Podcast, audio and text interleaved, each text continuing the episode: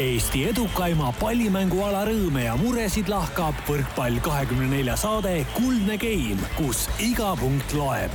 taustajõuna hoiab mängul hoogus ees Kredit kakskümmend neli. Tere, head võrkpallisõbrad, on teine september ja eetrisse läheb meie saatesarja saja üheksas osa Alar on valitud presidendiks, küll tõsi, mitte veel Alar Rikberg, vaid Alar Karis. tarkusepäev on selja taha jäänud ja Kuldse Game'i kuldses keskeas meestest komplekteeritud seltskond värskeks saateks valmis. Karin Aldo tunneb end täna kahekümne üheksa aastasena nimelt justkui muuseumis, sest suurim rõõm on Kodutänava stuudios tervitada kolme Eesti võrkpallilegendi, tänavust Eesti rannavalle meistrit Argo Arakut, tere Argo! tere, Karl! Tänavust Eesti rannavalve meistrivõistluste pronksimeest, vandeadvokaat Kaarel Kaisi, tere! tere! ja tänavust olümpiamängude hõbemedalisti ühes hiljutises ülekandes Indrek Seid ja DJ-d vendadeks pidanud Rivo Vesikut. tere, Rivo!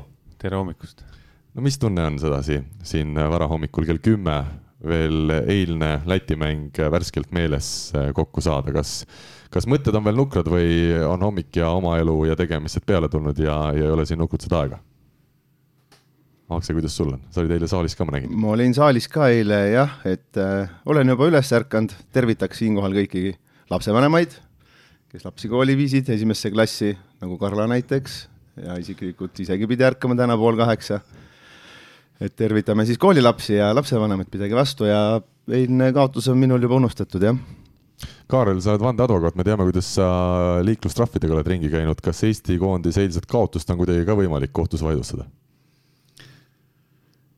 Vot, see on juba raskem ülesanne, noh kindlasti, kindlasti midagi leiaks, aga, aga võib-olla on õigem parem järgmistele mängudele keskenduda ja üritada ausal teel seda asja muuta. Rivo, tõmbame kohe sae käima. ausal teel Rivo, tõmbame kohe sae käima, meil siin eelmises või üle-eelmises saates oli juttu sellest, et äh, Eesti rannavalle tasemest räägib see nii mõndagi, kui neljakümne viie, neljakümne kuue aastased mehed saavad medali ja ajakirjanik saab neljanda koha. kuidas siis sellega ikkagi lood on, oled sa täna sa samal seisukohal? Absoluutselt, muidugi, see Ilmar Ojase kunagi ütles väga hästi, kui ta, kui ta autasustas, äh, ma ei mäleta, mis distantsi ta ujus, Ilmar Ojase vana kuulus ujuja, ja autasustas mingeid noori. sellel hetkel oli tema nimel olnud Eesti rekord äkki kas üheksateist aastat või? ja ta küsis autasustamise ajal, et kuule, mida te teete seal trennis? et ma küsiks noorte käest samamoodi, et mida te teete seal trennis, et kui korüfeed siin tulevad ja nopivad medaleid põhimõtteliselt iga aasta ma ei tea, Akse, sul on jäänud mõni aasta vahele, kus sa medalit pole võtnud või Karla? ikka. on mul siin jah, paar-kolm aastat kindlasti nüüd viimast ei olnud. meil vist mõlemal jäi päris pikk vahe tegelikult sinna. siis, kui te erinevate paariliste hakkasite mängima? jah, jah, kulus, kulus aega, et kohaneda aga, aga ma tahaks kusjuures selle Alari Karise kohta öelda ühe väga huvitava, huvitava fakti, et äh, vaadake kõik, kes, Alari Karis on ju tegelikult väga kõva muusikamees ka ta on kunagi mänginud sellises ansamblis nagu Rentaablus ja mängis viiulit, nii et otsige Youtube'ist üles, väga toredad laulud on. ühe laulu nimi on isegi Valimispäeva hommik. nii et tasub kuulata. kust, kust sellised äh, teadmised pärinevad? mul on lihtsalt väga targad sõbrad, ma ise ei tea midagi väga. ma ütlen sulle lihtsalt juurde ka, et kuna uus president ikkagi eesnimi on Alar ja mitte Alari. Alar jah, vabandust. kuigi noh, ma saan aru, et sinul on Äh, Kivisaar alati meeles ja siis, siis tahadki kõigile, et oleks eesnimi Ela. Jõesaar pigem. ahah, Jõesaar, ikkagi võrkpalliinimene. kuna meil on täna väga palju äh, jutuainet, äh, siis me läheks kohe esimese teema juurde ja pikemalt siin sissejuhatuses ümmargust mulje ei aja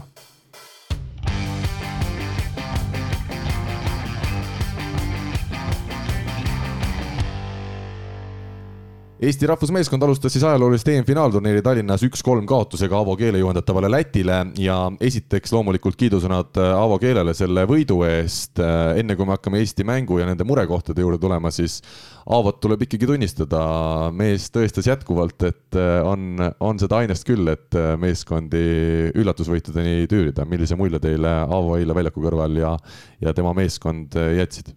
alustame võib-olla, alustame Rivost ikka oled ju Aavo käe all palju elu näinud? Äh, eks Aavo elas kõvasti kaasa seal lõpuni välja, et isegi kui Lätil oli, Lätil oli juba üsna sihuke kindel edu seal ees neljandas game'is, siis ta iga punkti elas üle, onju. aga, aga näha oli, et äh, mingisugune plaan neil Eesti vastu oli. ja noh, Aavo teab neid Eesti mängijaid tegelikult ka, et mis on nõrgad pooled, mis ei ole nõrgad pooled, et äh, aga noh hästi mängitud, hästi korralikult tehtud plaan, et äh, see ettevalmistus, mis, mis Lätil oli, oli järelikult õige. kui vaadata, just oli siin ju juttu sellest, et äh, et Läti tuli nelja või viie kaotuse pealt, on ju, Eesti tuli vist nelja või viie võidu pealt EM-finaalturniirile, siis kui vaadata, kellega mängis Läti ja kui vaadata, kellega mängis Eesti, siis võib-olla lätlaste poolt ja Aavo poolt oligi õige valik mängida endast tugevamatega mm sel hetkel tugevamatega, on ju, eestlased mängisid endast kindlalt nõrgematega, et seesama Hispaania viimane, noh, see oli täpselt nii, nagu oli, et et kui me koos kommenteerisime ka, et sealt, sealt sellist tulemust, tänast tulemust välja ei lugenud, aga sealt ei saanudki midagi suurt välja lugeda, sest Hispaania lihtsalt oli nii kehv. kas Hispaania on nii palju kehvem kui Läti siis täna või? mina ei ütlekski no., kui sa meestele otsa vaatad ja koduklubisid vaatad, ega seal ju meeletut vahet ei tohiks olla no ma ei tea, võib-olla, võib-olla siis, äh, võib-olla lätlastel oli eile mingisugune eriline motivatsioon, noh, kindlasti oli ka, on ju. aga ma ütlen, et Eesti ei mänginud eile paremini, kui ta mängis Hispaania vastu. ja Hispaania mängis kordades, noh, kehvemini kui Läti, noh mm -hmm., polegi midagi öelda mida Kaarel ja Argo ütleksid Taavo Keele kohta, me oleme näinud teda viimastel aastatel Pärnu võrkpalliklubi eesotsas ikkagi päris raskes olukorras, kus äh, tundub, et äh, väga, väga mingeid lahendusi ei ole, et, et võistkond paremini mängima panna, aga nüüd Läti koondise eesotsas oli hoopis teistsugune Aavo. iga pallivahetuse ajal oli ta mängus ka ise täielikult sees ja, ja lõpuks see võit äh, koju toodi.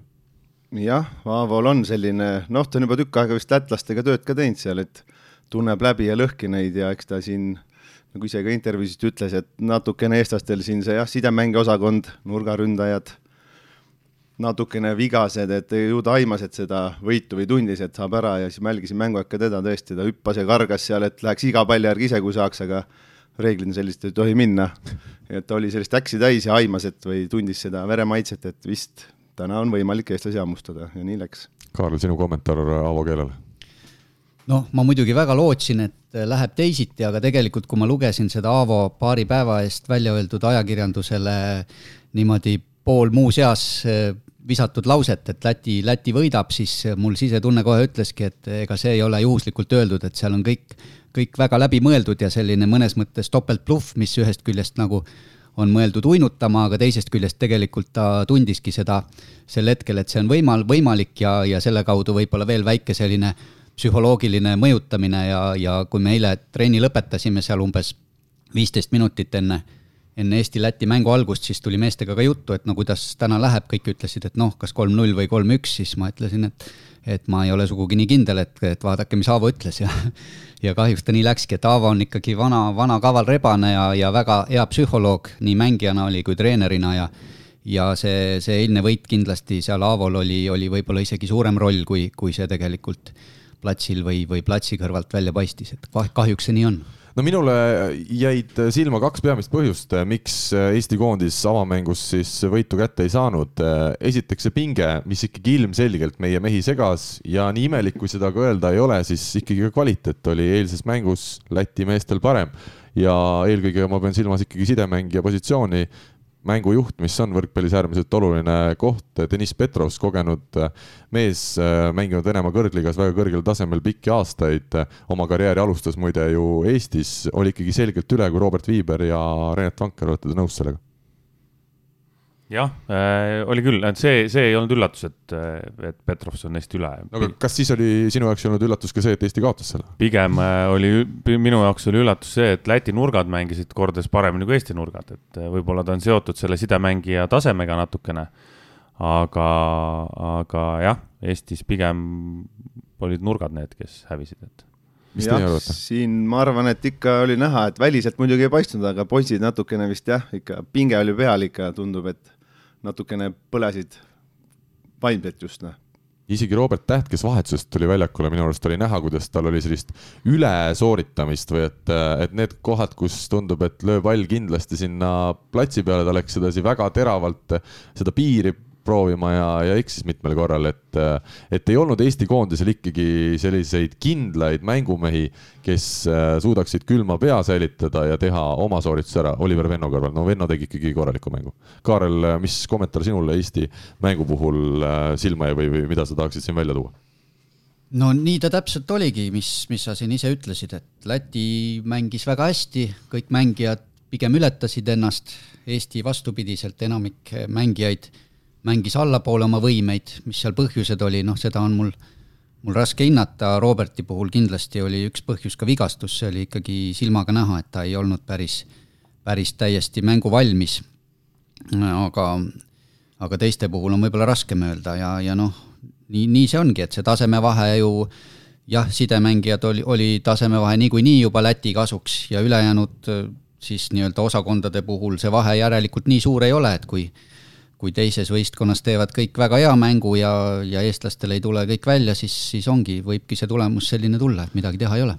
kas võrkpall on ikkagi nii vaimne mäng, nagu eilne mäng tõestas, et et äh, Tom Schwanz ütles ka, Läti koondise kapten, mees, kes on pooleldi juba eestlane tänu oma eestlannast elukaaslasele, et neil ei olnud mitte midagi kaotada. Avo Keele sõnum oli ka, lähme paneme, anname endast kõik ja võitleme ja mingit närvi neil sellepärast ka sees ei olnud, et nad teadsid, et kui nad kaotavad selle mängu null-kolm, keegi ei kritiseeri neid, keegi ei arva, et midagi oleks valesti. meie mehed samas mängisid esmakordselt äh, kodus, mitmed põhikoosseisus mängivad mehed polnud kunagi varem Euroopa meistrivõistlustel osalenud ja ühtlasi olid nad ju noored ka veel, et äh, et see pinge lihtsalt maksiski kätte, et kvaliteedilt ju ikkagi, kui me vaatame mängijate personaalset kvaliteeti, mida me läbi hooaja oleme näinud, siis tundub, et ei tohiks selles mängus küsimust olla, ometi me suutsime selle mängu kaotada, et, et see vaimne pool on hästi oluline.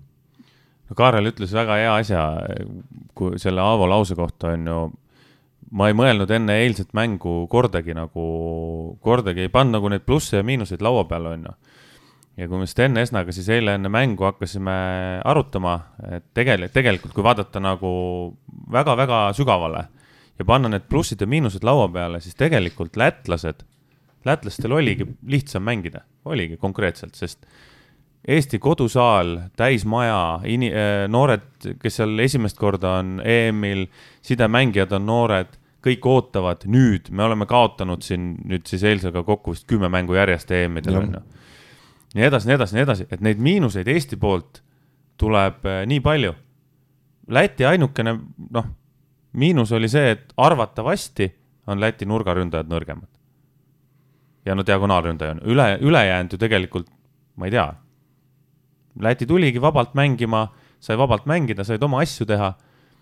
eestlased pingutasid, pingutasid, tahtsid võita ja nagu sa ütlesid seal Tähe puhul ka, et võib-olla oligi selline natuke ülekeskendumine, on ju et, et tegelikult need plussid-miinused kokku panna, siis lätlastel võib-olla isegi oli kerge eelis. millest räägib nüüd see, et Läti koondis saab Eesti koondise vastu kolmteist plokipunkti ja Eesti koondis saab sisuliselt poole vähem plokipunkte, ainult seitse. kas see näitabki seda, et noh, mida ka mina nagu mängus sain aru või nägin, et äh, Läti mehed äh, läksid plokki juba siis, kui pall oli alles äh, kas Roberti või Reneti käte vahel tõsteks üles minemas, et, et väga hästi luges kogu aeg Läti koondis meie mängu ja, ja teadis, mida me teeme. Jah, nagu Aavo ise ütles ka, et nad lugesid päris hästi vist lahti, tundub, noh. Mm -hmm., jälle Aavo ju teab neid Eesti sidemängijaid, mingit üllatust polnud, noh tõstsid ühele, teisele kuidagi natukene kinni, kinni tõstsid ka võib-olla ja jooksid kinni need sidemängijad, et küll see treener proovis vahetada, aga jah, plokke oleks pidanud kindlasti rohkem saama, vaatasin Läti vastuvõttu, eestlastel on mingi kakskümmend protsenti parem või isegi rohkem, sealt oleks pidanud kindlalt saama rohkem ploki ja kaitsega palle, aga ei tulnud, noh, plokimehed on muidugi head, Aganitse, Pingile, Kreek, Tammemaa, noh, need võib-olla tegid oma ära, aga jah ikka sellise vastuvõtu puhul, nagu Lätil oli, oleks pidanud sealt saama kindlasti ise plokiga tunduvalt rohkem nii et täna ikkagi see, et meil ei ole kogenud Gert Toobalit koondises vigastuse tõttu sidemängijana. ta ei ole küll füüsiliselt superheas vormis, aga tema ilmselt tõsted oleksid olnud meestele mugavamad, stabiilsemad, oleks mänginud väga suurt rolli ja see vahe, ütleme, Petrovsiga oleks olnud väiksem. ja teisalt nurgaründaja positsioon, kus me täpselt aasta aega tagasi siin saates rääkisime, et väga huvitav konkurents ja kõrgetasemeline konkurents tuleb meil koondises nurgaründaja kohale, siis eile meil tegelikult ei olnudki väljakul ju meest, kes oleks suutnud nurgas oma tööd korralikult ära teha, et äh, sport on selles suhtes hästi huvitav, mõned mehed jäävad eemale, täna juhkamist äh, Raadikust ehk isegi Pupartist me tundsime puudu, et sellised kogenud mehed oleksid ilmselt äh, suutnud äh, oma ära hoida ja, ja vähemalt Lätit võita, olete te selle arvamusega ka nõus? jah, võib-olla küll, aga Reneti tõsteid jälgides, siis need on jah, sellised sutsu kiiremad, nii Kovaseski Selveri mänge, kes jälginud on, ta hästi tahab hästi kiiresti mängida selliseid kõrgemaid palle pigem jah, kaugelt, aga jah, kipuvad natuke peale minema seal, nii kui korralik plokk vastas on, ongi raske seal lööjal midagi teha. Mm..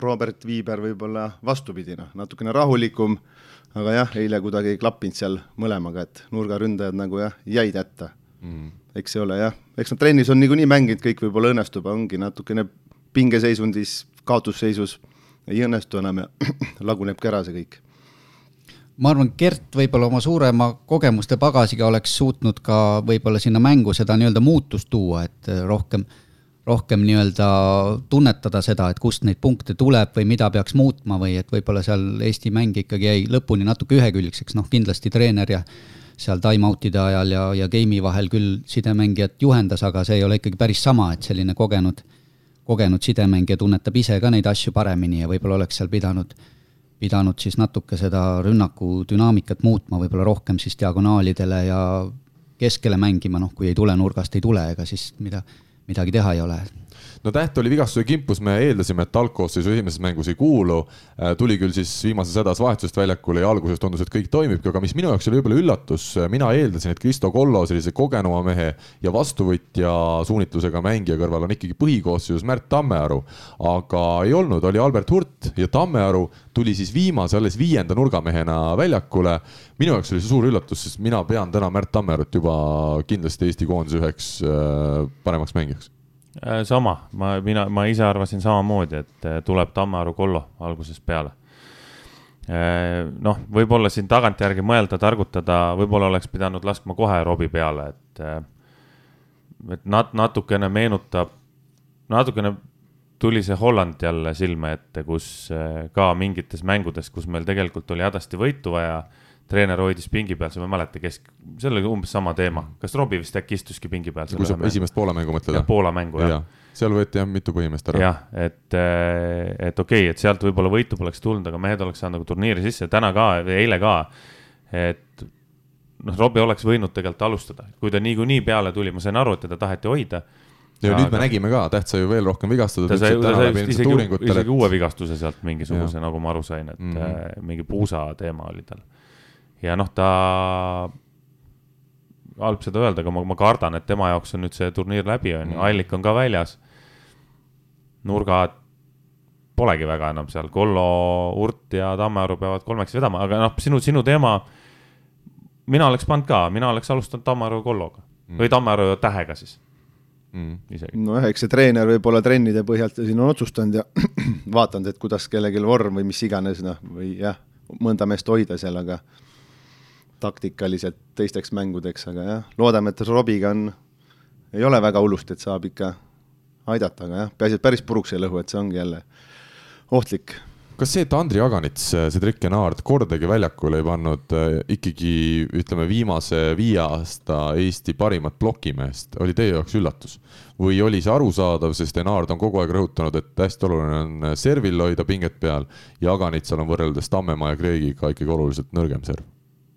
Või oleksite eeldanud, et ka temporündaja positsioonil oleks vahetus tulnud? ma millegipärast arvan, et see serv nüüd küll vaevalt, et seal otsu-, otsustavaks sai, et tempomeeste põhiülesanne ikkagi on ju plokk ja, ja rünnak, et noh, serv ka, aga kas see nüüd äh, nii suurt rolli mängis. aga selles mõttes ma ei, ma ei oska öelda, see on, alati on hea, hea kõrvalt midagi siin kommenteerida või aga, aga fakt on ju see, et äh, peatreener ja treener on trennis äh, kõiki neid temporündajaid päevast päeva näinud, teavad täpselt, mis seisundis nad on, mis vormis nad on, kuidas nad sobituvad äh, teistega, et seda lihtsalt, lihtsalt noh, väga ohtlik oleks siin mm. kõrvalt midagi kommenteerida, kõiki asju teadmata, et. ja, aga teine teema on see, et ega ju, ega siis tegelikult ju tempodel eile ju midagi viga ei olnud, et me ei saa öelda, me ei saa öelda, et see oleks olnud mõnes mõttes nagu mingi õigustatud vahetus või, või mingi proovida, et Kaarel ütles ka õigesti, et tegelikult meie kommenteerime selle pealt, mida näeme meie. see aeg, mida me seda võistkonda näeme, tegelikult on nii väike, noh, me näeme nelja game'i, mis tegelikult võistkonna sees toimub, seda, seda meie ei tea, et. Jah, loomulikult, kui sa, kui sa nii ütled, on ju, Eesti üks parimaid plokimängijaid, plokke on vähe, siis selle järgi puhtalt paberi pealt, mustvalge pealt äh, jah, oleks võinud proovida aga mis seal taga on, seda me ei tea. jah, tempomehed olid kah minu arust täitsa tipp-topp, et ma ei tea, kas see vahetus jah, vahetuse mõttes võib-olla oleks teinud äkki paar plokki rohkem saanud, aga kas mängupöördeid või nagu jah, tempomehed mänge nagu ei võida, öeldakse, aga vahetuse mõttes võib-olla tõesti, aga ei, tempod olid tublid Oliver Venno siis hoolimata sellest, et Eesti kohtumise kaotas kakskümmend üks punkti, efektiivsusnäitaja pluss kaheksateist. Äh, servil küll väga midagi erilist ei teinud, mõned ohtlikud äh, servid lõi, aga neljateistkümnest servist kolm eksimust, null ässa.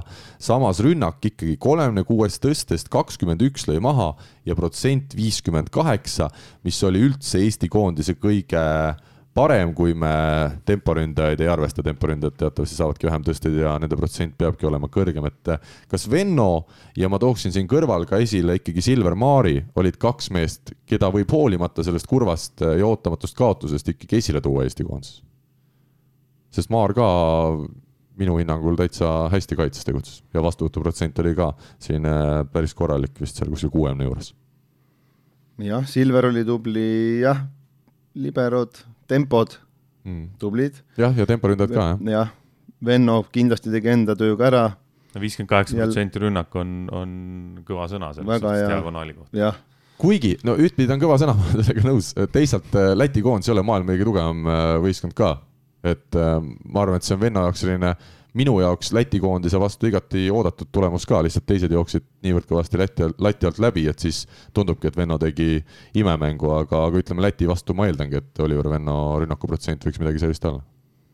Läheme edasi äh, kas kõige suurem küsimärk täna, mil meil on veel alagrupis neli kohtumist ees ootamas, võibki olla see nurgaründaja positsioon, nagu Rivo arvas ja mis võib tõesti tõeks osutuda, et Robert Tähe jaoks võib turniir olla lõppenud, me muidugi loodame parimat, aga vaadates jah, kuidas teil ikkagi vahetusest ka lõpuks siis või vahetusse tagasi võeti, siis noh, loota, et siin nädalaga mingit imet tehakse, on raske, loomulikult me loodame parimat.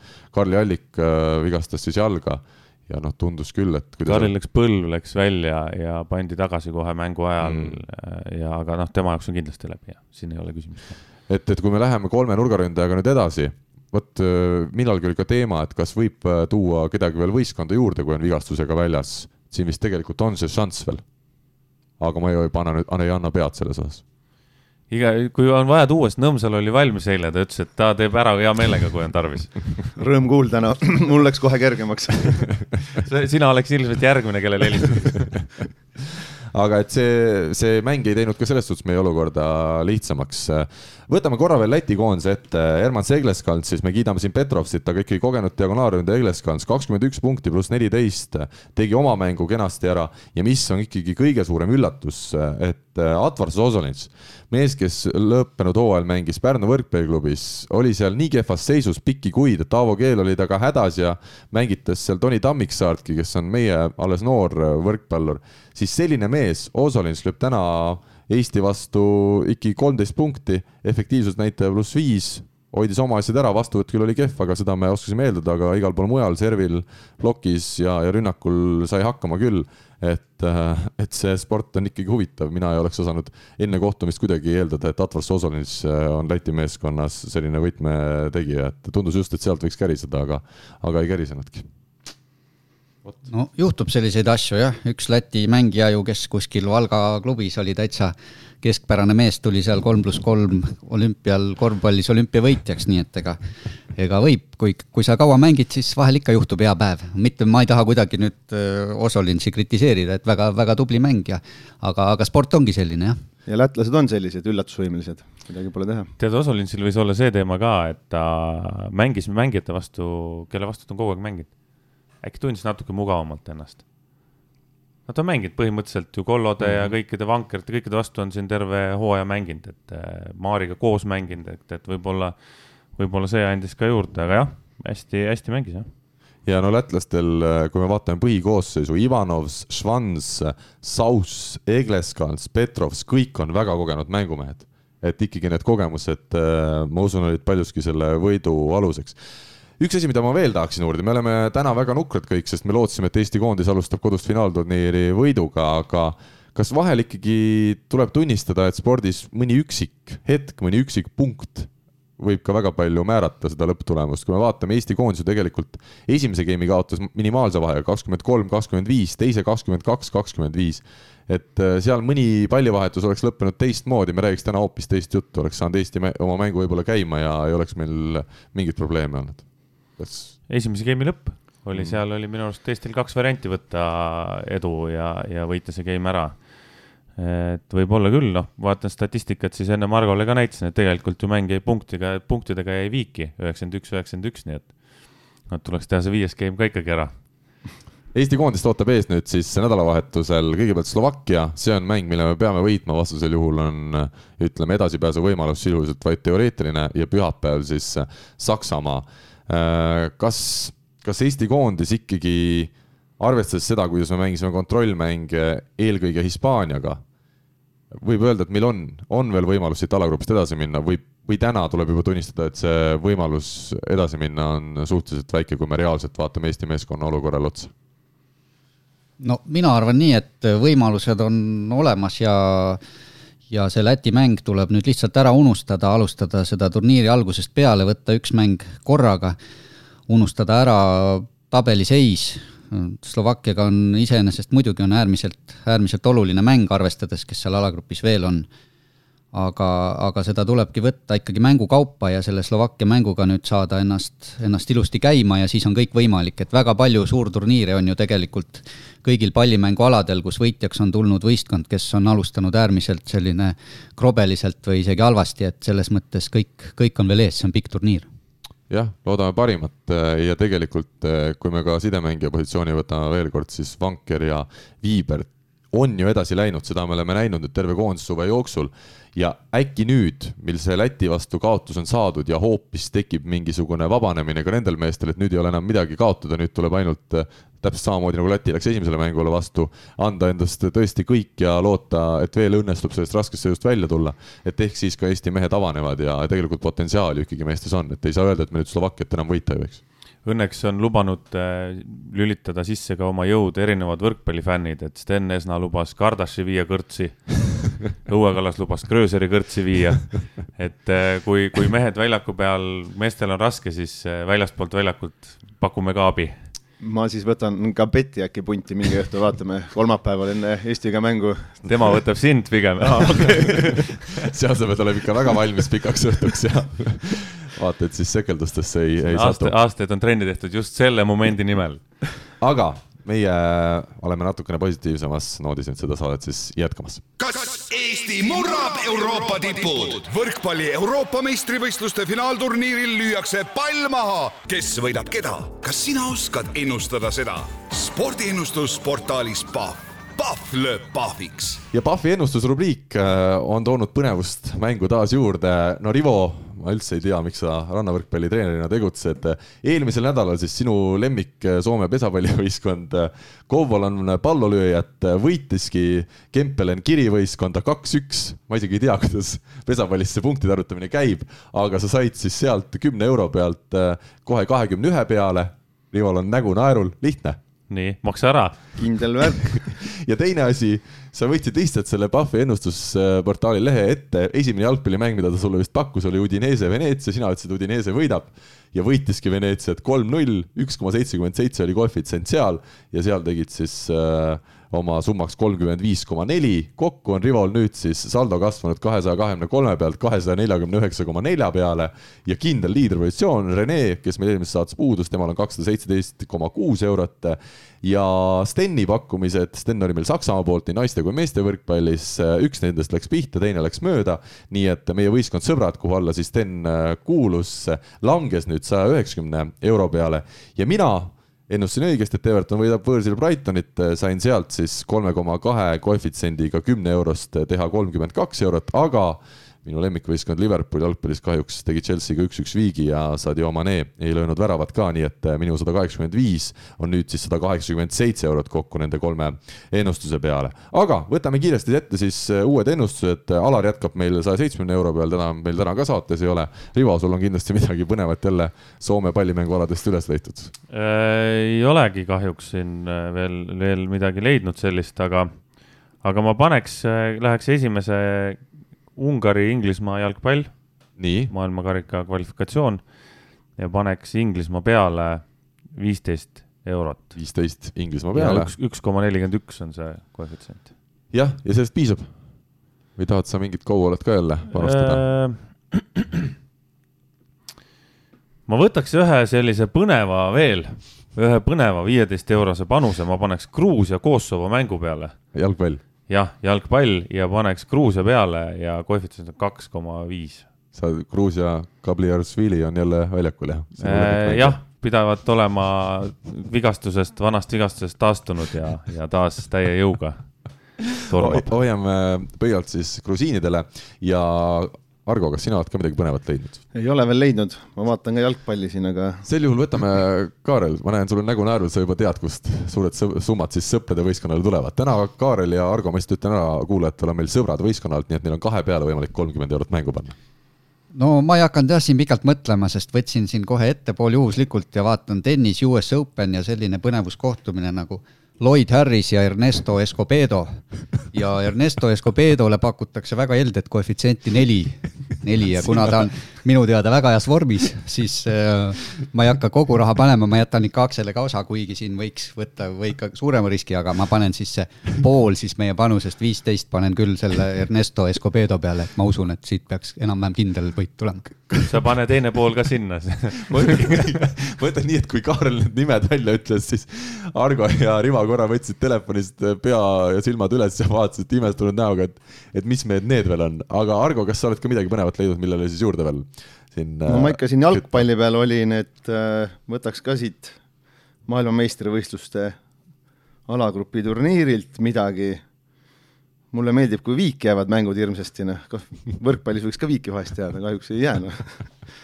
aga paneks siis jalgpallis viigi peale sellise mängu nagu Rootsi-Hispaania jah, no ja. nii, ja viisteist eurot läheb sinna siis sõprade võistkonnas, teine viisteist. ja Anna. jääb siis üle veel minul midagi öelda ja täitsa lähen üllatuse peale sa ära pane see nädal midagi, muidu sa jääd päris nulli ära nii kiiresti, ei saagi lõpuni teha siin. mina ütlen, et Tšehhi teeb nüüd kodus äh, EM-finaalturniiril, meeste turniiril siis suur üllatuse ja võidab Sloveeniat, eelmise EM-i finalisti. koefitsient on äh, viis koma neli ja mina otsustan sinna siis lajatada täpselt viis eurot.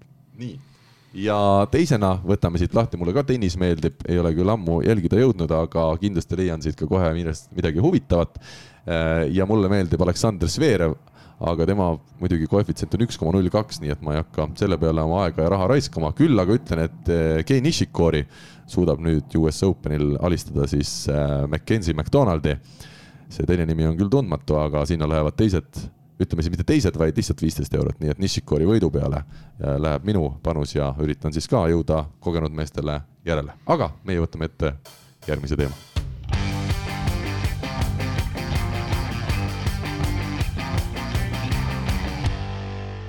ja nüüd siis läheme edasi kuulajate küsimustega ja kuigi alles eile õhtul pärast seda Läti mängu sai üles pandud see küsimus, et, et küsimusi ootame, siis on neid küsimusi tulnud meeldivalt palju ja enamjaolt on need siis seotud Eesti rahvusmeeskonna esimese mänguga. Raigo ütleb meile, eilset mängu vaadates tekkis küsimus või mõttekäik Aavo keele kohta. nii palju, kui ma mäletan Aavot Eesti koondise lootsin, eriti viimased aastad Pärnu eesotsas, pole ma Aavot sarnaselt meeskonnale kaasa elamas näinud nagu eile.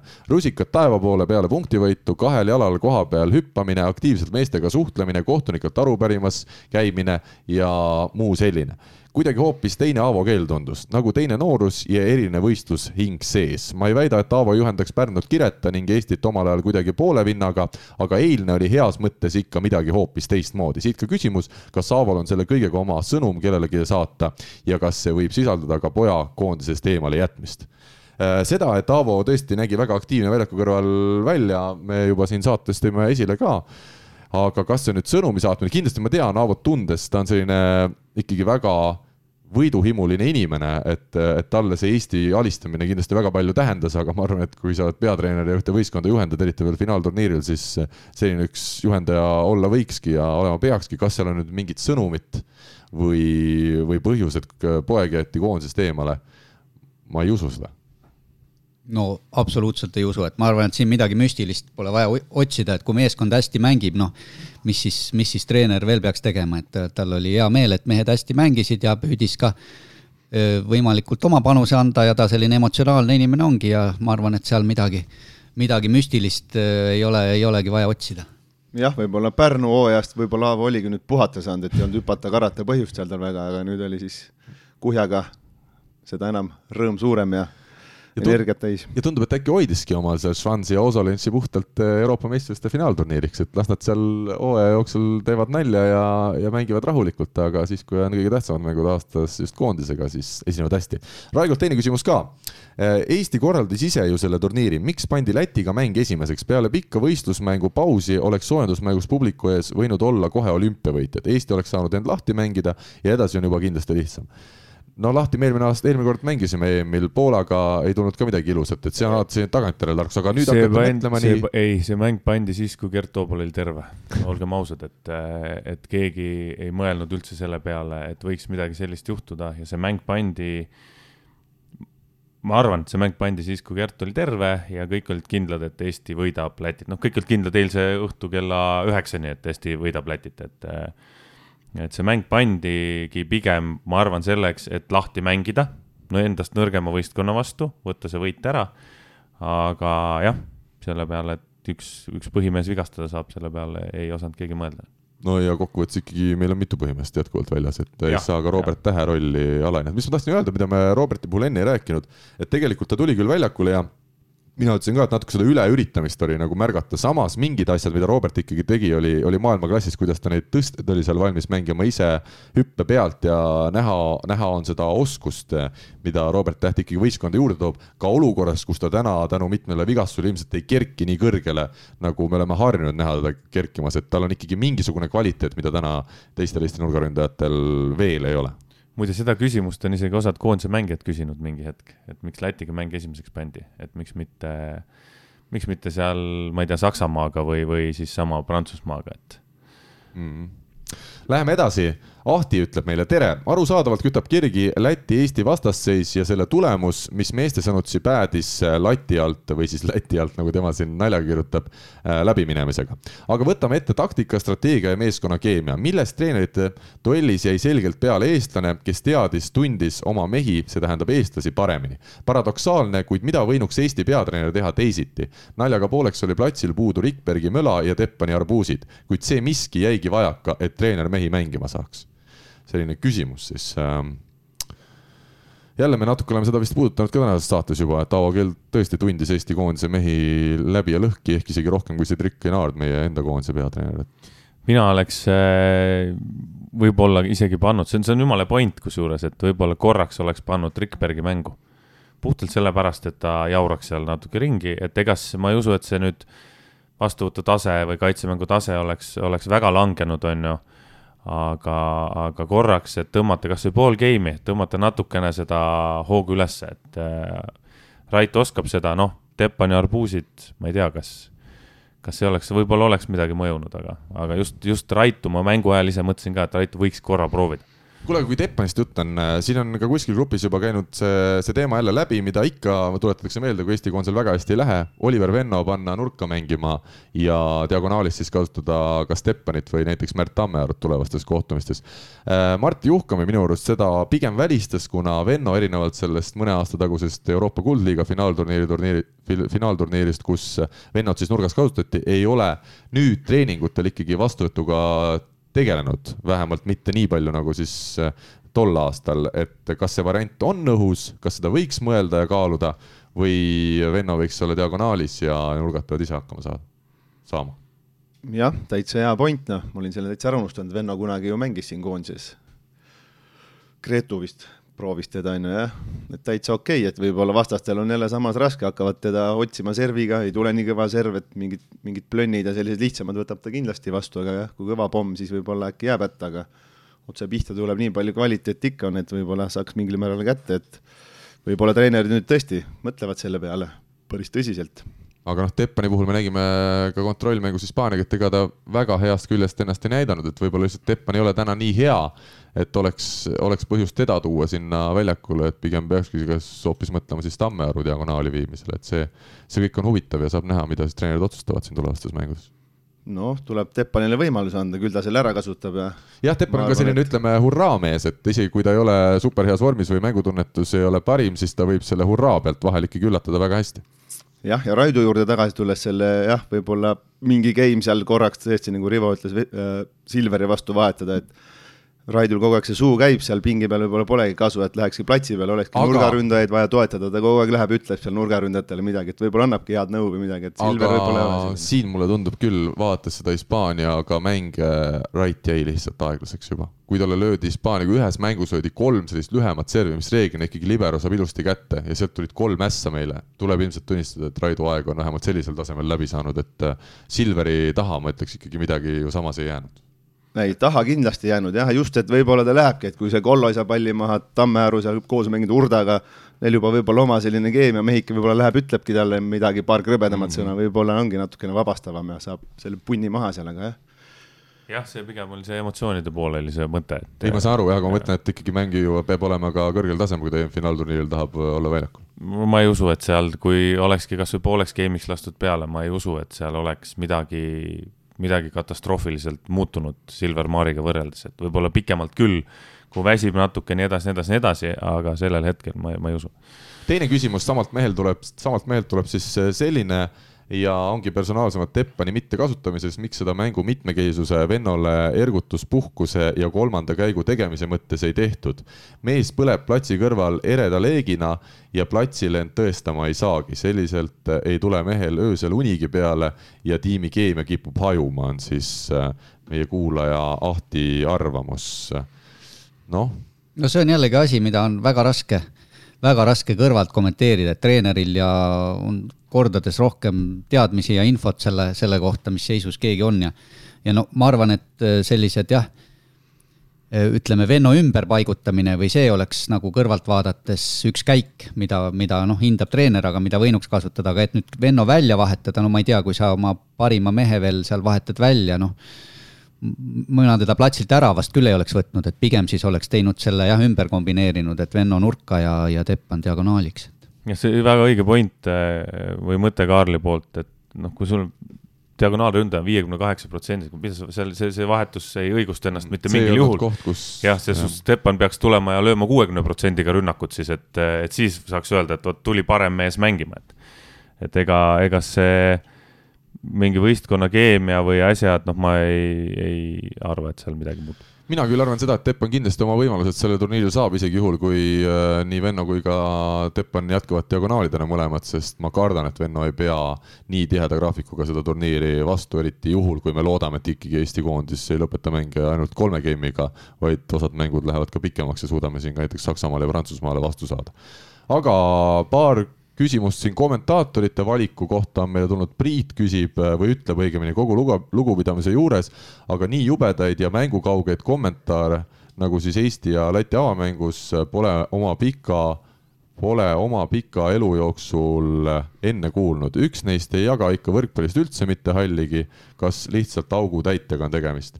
ja Viljar kirjutab meile, Eestil ja võrkpallikogukonnal on harukordne võimalus teha Eesti spordis ajalugu, võõrustada esimese pallimängualana Euroopa meistrivõistlusi.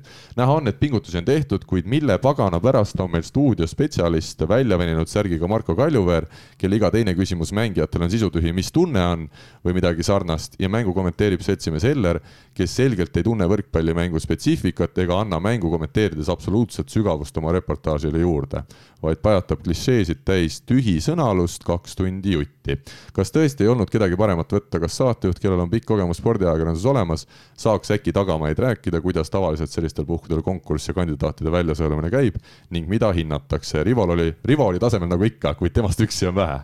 näed, Rivo, said vähemalt sina kiita.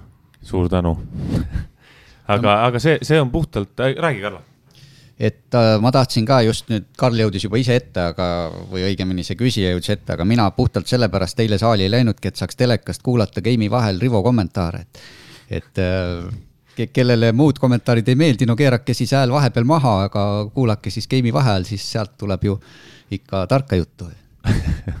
See oleks võinud ju saali tulla, ma oleks võinud terve mängu sulle rääkida seal asju aga, aga e-, e-, vastame siis küsimusele ära ka, et see on ähm, äh, siis firma, kes ostab teleõigused, tema paneb kommentaatoreid, et üldiselt on nad selle asutuse töötajad ja, ja Marko Kaljuveer ja kes see seal teine kommenteeris? Karl-Mihkel Eller, Eller.. Äh, Karl-Mihkel Eller jah, on, on, peaks olema Postimees Grupi töötajad.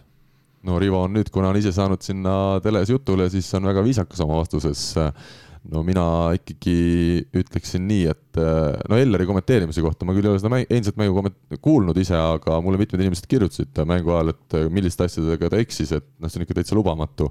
ja, ja olles ise kommenteerinud eri, erinevaid spordialasid, võin mina öelda, et mina näiteks täna olen korvpalli kommenteerimisest Eestis loobunud, sest ma ei jälgi enam Eesti liigat ja ma ei taha jätta endast rumalat muljet et see on ka iga inimese enda otsustada, et milliseid pakkumisi ta võtab vastu ja milliseid mitte, et et kui ikkagi inimene, Eller ju ei ole võrkpalliinimene, kahjuks ta on väga tore inimene, ma isiklikult tunnen teda, tervitused, loodetavasti ei kuula meid, aga aga kui ikka ala vastu ei ole, ei ole teadmisi, siis peab inimene ise tunnetama, et ikkagi Euroopa meistrivõistluste finaalturniiri kommenteerimisest loobuda. aga kas, kas, kas saab, noh, puhtalt nagu, puhtalt mõeldes siis ütleme, et kuidas, kuidas selle kohta öelda nüüd siis äh, ärilises mõttes on, kas nemad, nemad saaksid osta sisse kommentaatori?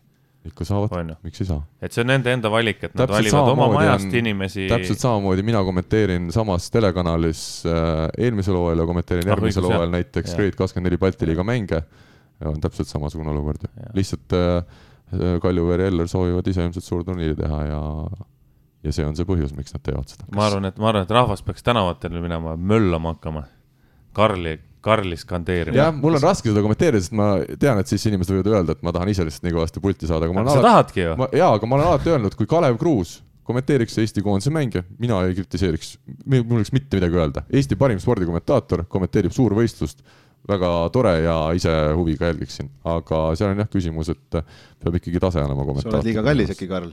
Ma oleks olnud ka nõus tasuta tegema ja ma olen seda ka öelnud neile muide. raha pärast Eesti spordikommentaatorilt teinud ühe mängu eest, ma võin öelda umbes viiskümmend, kuuskümmend eurot. see ei ole asi, mille pärast seda tööd teha. Äh, Karl tuli isegi siin välja vahepeal sellise mõttega, et, äh, et me teeme siis Eurovisiooni, et kommenteerime raadios ja meie Karliga, mina ja Karl ja siis äh, inimesed saavad valida, kelle kommentaare nad kuulavad. aga Vikerraadio teeb ka ülekandeid, nii et sealt saab ka vajadusel siis jälgida ja, ja kuulata. aga siin oli küsimus, et kas on ka mingi konkurss, et otsest konkurssi ei ole, et ikka kanal ise otsustab, keda ja mil moel ta kommenteerima paneb ja selles suhtes ei ole midagi öelda küll, jah. et äh, see on nende enda valik ja siin ei ole mingit äh, riiklikku konkurssi kuskil, kus keegi peab midagi esitama, et äh, nii ta on lihtsalt. aga läheme edasi. Tarmo Kajandilt on tulnud ka meil selline tähelepanek ja see tähelepanek siis äh, puudutab seda, et kas saade ei võiks olla maksimaalselt seitsme minuti pikkune, tõmmata teemasid äh, vähemaks ja, ja nii edasi. me tegime millalgi aasta tagasi, kui meil need saated pikemaks läksid, äh, võrkpalligrupis ka küsitluse ja seal oli üle üheksakümne protsendi kuulajatest ütles, et võib-olla saade poolteist tundi ja pikemgi, et peaasi, et juttu jätkub, et tundub, et võrkpallisõpradel ei ole seda, on aega küllaga no me ei tee ju, me tegelikult ju, meil ei ole mingit raami ees, et me ju teeme umbes ja. nii, et. nii nagu tuleb. jah, et kui läbi saavad teemad, siis, siis saavad läbi ja vahepeal tulebki sellist ümmargusemat juttu ka sisse, aga, aga mina isiklikult arvan, et see on okei okay.. ja Tarmo Kajandile võin öelda, et aga sa võid seitsekümmend minutit kuulata ja siis minna oma tegusid tegema edasi. aga Rene Kundla küsib meie käest, kas Aavo Keele juhitav Eesti oleks eile Aavo Keele juhitavat Lätit võitnud? See on hea küsimus, alati need, millele me kunagi vastust teada ei saa, on head küsimused. noh, mina arvan, et äh, ei oleks. ma arvan, et eile lõpuks ikka natukene võistkond oli vastastel võib-olla stabiilsem ja kogenum. treenerist väga palju, ma arvan jah, no võib-olla mõne vahetusega siin ei oska öelda.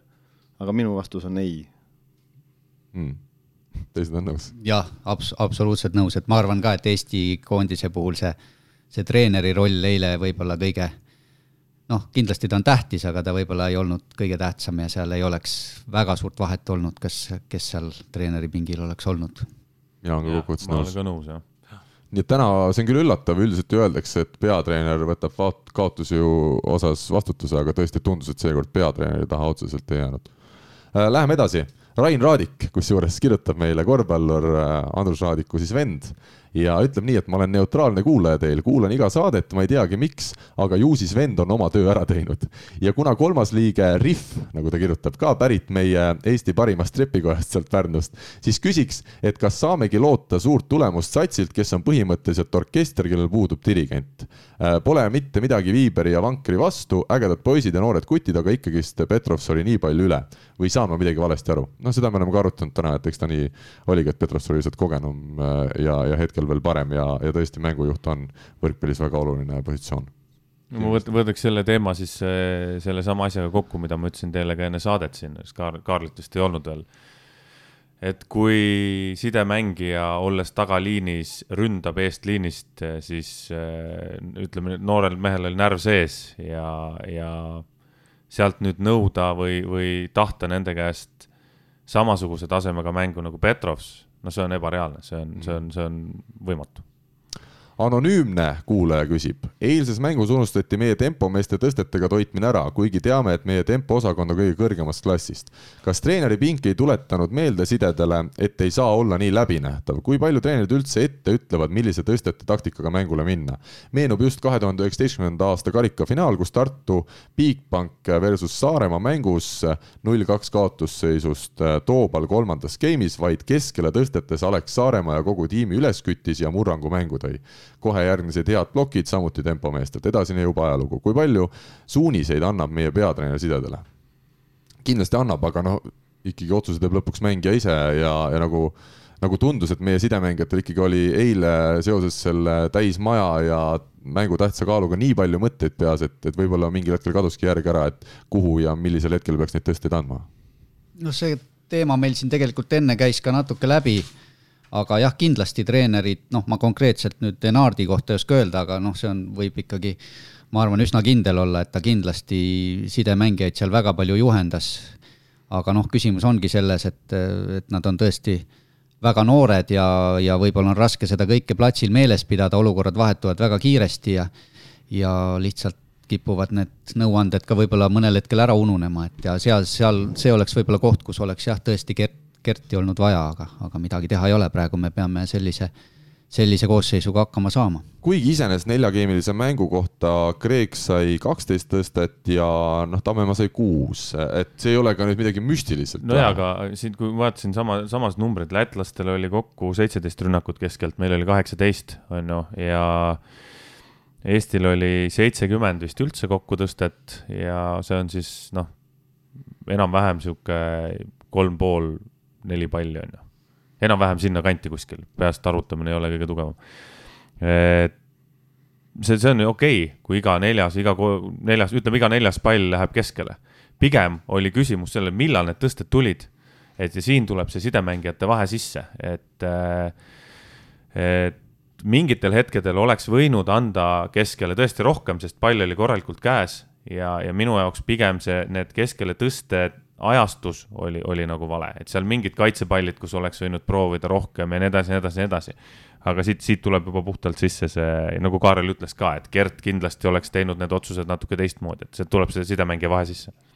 jah, Gert oli pingi peal, eks ta niikuinii ka, ma arvan, et nägi seda mängu sealt kõrvalt ja kindlasti time out'ide aeg seal andis ka vist neile tagasisidet, aga ju siis jah, ega mõtteid nii palju seal peas, et juba sa ei saa ennem ka valis mõelda, et nüüd ma tõstan keskele, pall on kaks meetrit kaugemal, ma ikka ei julge tõsta ja siis ta, eks ta seal lõpuks kin-, kinni kiilubki neil võib-olla.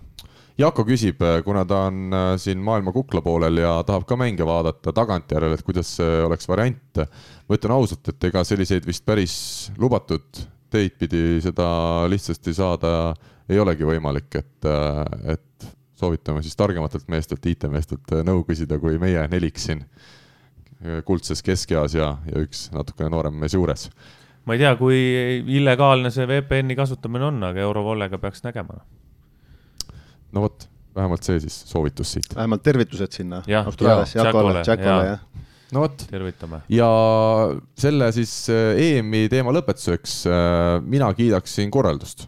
see, kuidas ikkagi esimene mäng, meil oli sisuliselt täis maja, äh, milline show seal enne mängu oli, ma ütlen ausalt õrnalt võttis ühe silma märjaks, sest see on ikkagi suur asi, kodune finaalturniir, Eesti pallimänguala, olümpiaala ei ole kunagi sellist turniiri meil korraldanud ja oli tore näha üle pika-pika aja ka publikut saalis ja omadele kaasa elamas, et, et tegelikult tuleb ikkagi nautida seda kogu sündmust siin täiel rinnal. Jaa, sama, sama, täpselt sama, et president pani ka mõnusalt emotsiooni juurde ja ma soovitaksin publikule ka, kes saalis on, et kui te lähete sinna juba, siis nautige rohkem seda asja, et on, on lubatud ju plaksutada, hüpata ja karata, et keegi ei keela ja, ja, ja karjuda ja röökida ja elada omadele kaasa.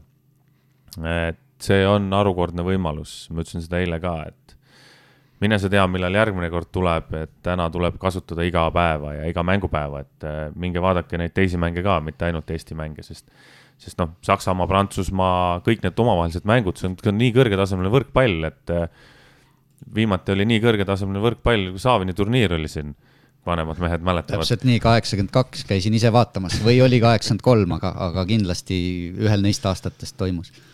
Eesti koondise mängud siis järgmised laupäev-pühapäeval, nagu öeldud, Slovakkia ja Saksamaa, üks laupäeval kell neli, teine pühapäeval kell neli ja homme ehk siis reedel on Horvaatia, Saksamaa kell viis ja kell kaheksa Prantsusmaa, Slovakkia tõesti. kel vähegi võimalust ja huvi oma võrkpalliteadmisi kasvõi laiendada, siis soovitan kohale minna. aga Rivo, meie tänaseks sind täname, laseme sul minna. mina tänan teid ka. tossud jalga, ole ja. tubli, mis sa nüüd ennustad siis meil järgmine saade, ma ei oska veel öelda, mis hetkel see täpselt tuleb, me proovime leida õige aja ja koha selleks. aga kas Eesti koondis läheb veel alagruppist edasi? ma loodan küll. Sa loodad ja ma küsin, kas ta läheb edasi? Läheb selge, väga hea, aitäh sulle ja meie võtame siit ette tänase saate viimase teema.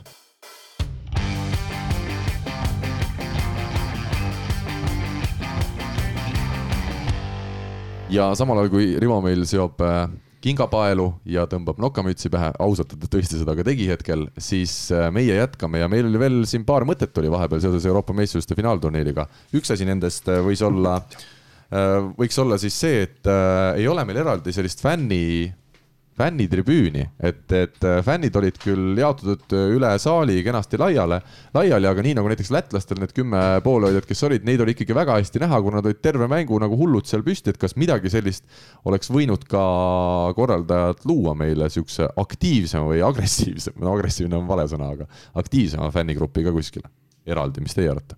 no ma arvan, et jah, see on kõik võib-olla korralduse taga seal või äkki on mingi fännide eestvedaja või mis iganes võiks keegi selline olla, et võtakski teatud sektori seal, ütleme ühe tribüüni poolena, saaks neid lauljaid ja kisajaid kokku küll, noh. siis ta võib-olla rahulikumalt tõesti vaadata, istub kuskil seal siis teise tribüüni peal, et ruumi nagu on, et et just natukene jäi võib-olla sellisest laulust või mis iganes, võitle Eesti, võitle kuidagi nagu kaootiliselt valel ajal seal mingid plaksutused, särgid, värgid võib-olla jah, et mingi koordinaator või selline, et kes ongi seal ees, nii et plaksutame nüüd seda, toda, et mm. tõmbaks rahva rohkem veel käima. ja hoolimata hetkest siis, et ikkagi isegi kui Eesti on viie punktiga maas, siis seda rohkem on Eesti koondise mängijatel ka vaja seda toetust. jah, lätlased servima läksid, me ikka seal plaksutasime võib-olla Eesti, et siis võiks juba ka mingi vilistada noh, pasuned on, on keelatud, ei tea midagi teha. jaa, Rivo ära läks, muidu me hakkame Rivoga siin vaidlema. Äh, mulle meeldis, kuidas see välismaine inimene, kes siis, ma ei tea, DJ või kuidas tuleb öelda, kes äh, seda rahvast ka seal kutsus kaasa elama, ütles, et äh,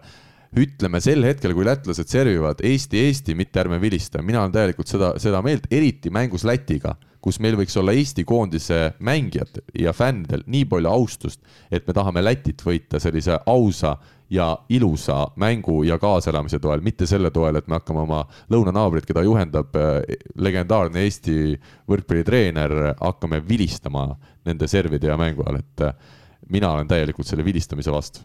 ma ütlen ausalt, see ei kõla hästi mulle noh, ma ei tea, reeglina ikka karjutakse puu või midagi või vilistad, et ikka natukene häirida, noh, ma ei tea, kui no, palju see Eesti, Eesti seal karjub seda mm., seda seal lätlast segab, noh, ega niikuinii nad on nii keskendunud seal võib-olla kogenul mängijal see ei mõjuta midagi, kes seal midagi karjub, mõni võib-olla ütleb sulle väga karmisti seal, sa ei tohigi seda tähele panna või viskab mingi mündiga, noh, no nii hulluks võrkpallis veel läinud õnneks asi ei ole, et kõikvõimalikud asjad kasutusele võtta. Karl, mis sina arvad?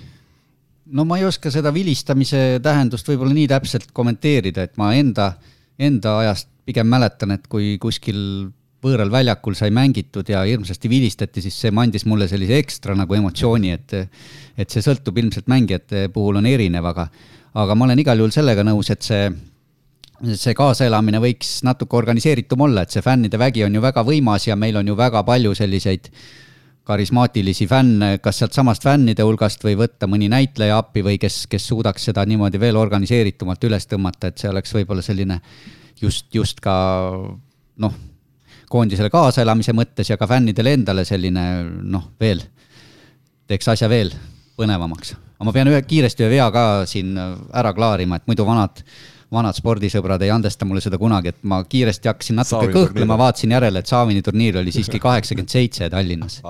et äh, jah, andestamatu eksimus viis, neli või viis aastat. aga aeg lendab, aeg lendab, minagi juba oma kõrges eas tunnen, et aeg lendab, ega need aastad, oli ta nüüd kaheksakümmend kaks või kaheksakümmend seitse, teeb sama välja kokkuvõttes. Argo isegi, noh, hakkas juba lugema, oli see sajand tagasi, kaks sajandit tagasi. kaheksakümmend seitse, ma olin isegi vist saalis, kui ma ei eksi, ma mäletan, võtsin veel selle plakati, mis seal oli, Saavini turniir, kõik blablabla bla, bla, sain isegi ameeriklaste käest autogrammi minna sinna peale võtta ja koguda. mina üheksakümmend kaks sündinud poisina veel kaheksakümmend seitse saalis äh, ei olnud. Aga läheme edasi ja üks asi, mis veel oli Facebookis siin enne Eesti koondise mängu tõstatati üks huvitav mõttekäik, et kas on vaja kallistada nii palju võrkpallimängu ajal see oli jah, no mina ütlen, et kallistagu, niikaua kui mäng kulgeb, tehku mida tahes seal punktide vahel.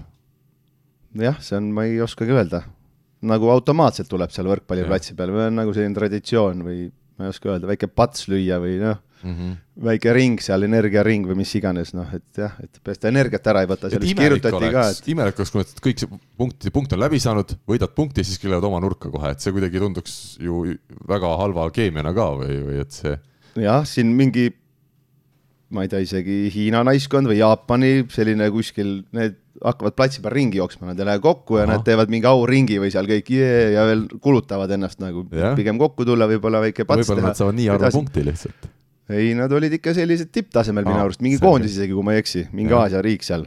ja jooksevad ja kisavad ja karjuvad ja jah, sellist kokkutulekut polnud, aga need jälle teistmoodi, et oligi nagu imelik minu jaoks seda vaadata, et mis te jooksete seal ringi, et saite punkti, et kokku ja lähme kohe edasi või mis iganes, pats ära kiiresti ja need veel panevad seal ringiratast, noh.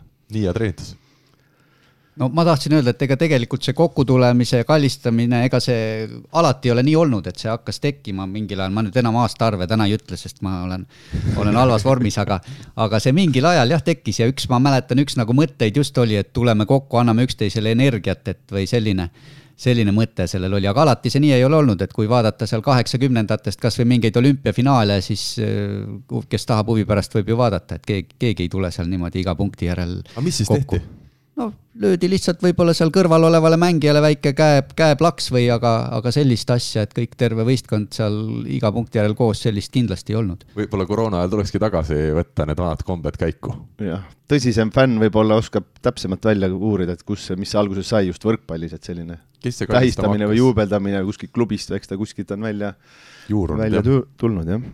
aga kuna meil on täna sellised kaks meest äh, ikkagi stuudios, siis ja te ei pruugi siin igas saates meil kohal olla, kuigi ma väga hea meelega teid võtaks siia, siis äh, need läbirääkimised seisavad ilmselt ees tulevikus. siis äh, tänavune aasta ikkagi rannavõrkpallis andis meile, teile mõlemale medali äh, Eesti meistrivõistlustelt äh,. Argo, sinu siis viies kuldmedal milline tunne on olla neljakümne viie aastasena veel Eesti läbi aegade vanim rannavalle meister?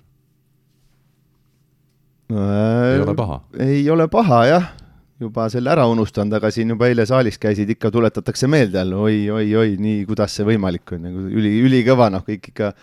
aga enda arust ei ole nii kõva siis või? Enda arust nagu jah, ei pea seda nagu väga kõvaks saavutuseks.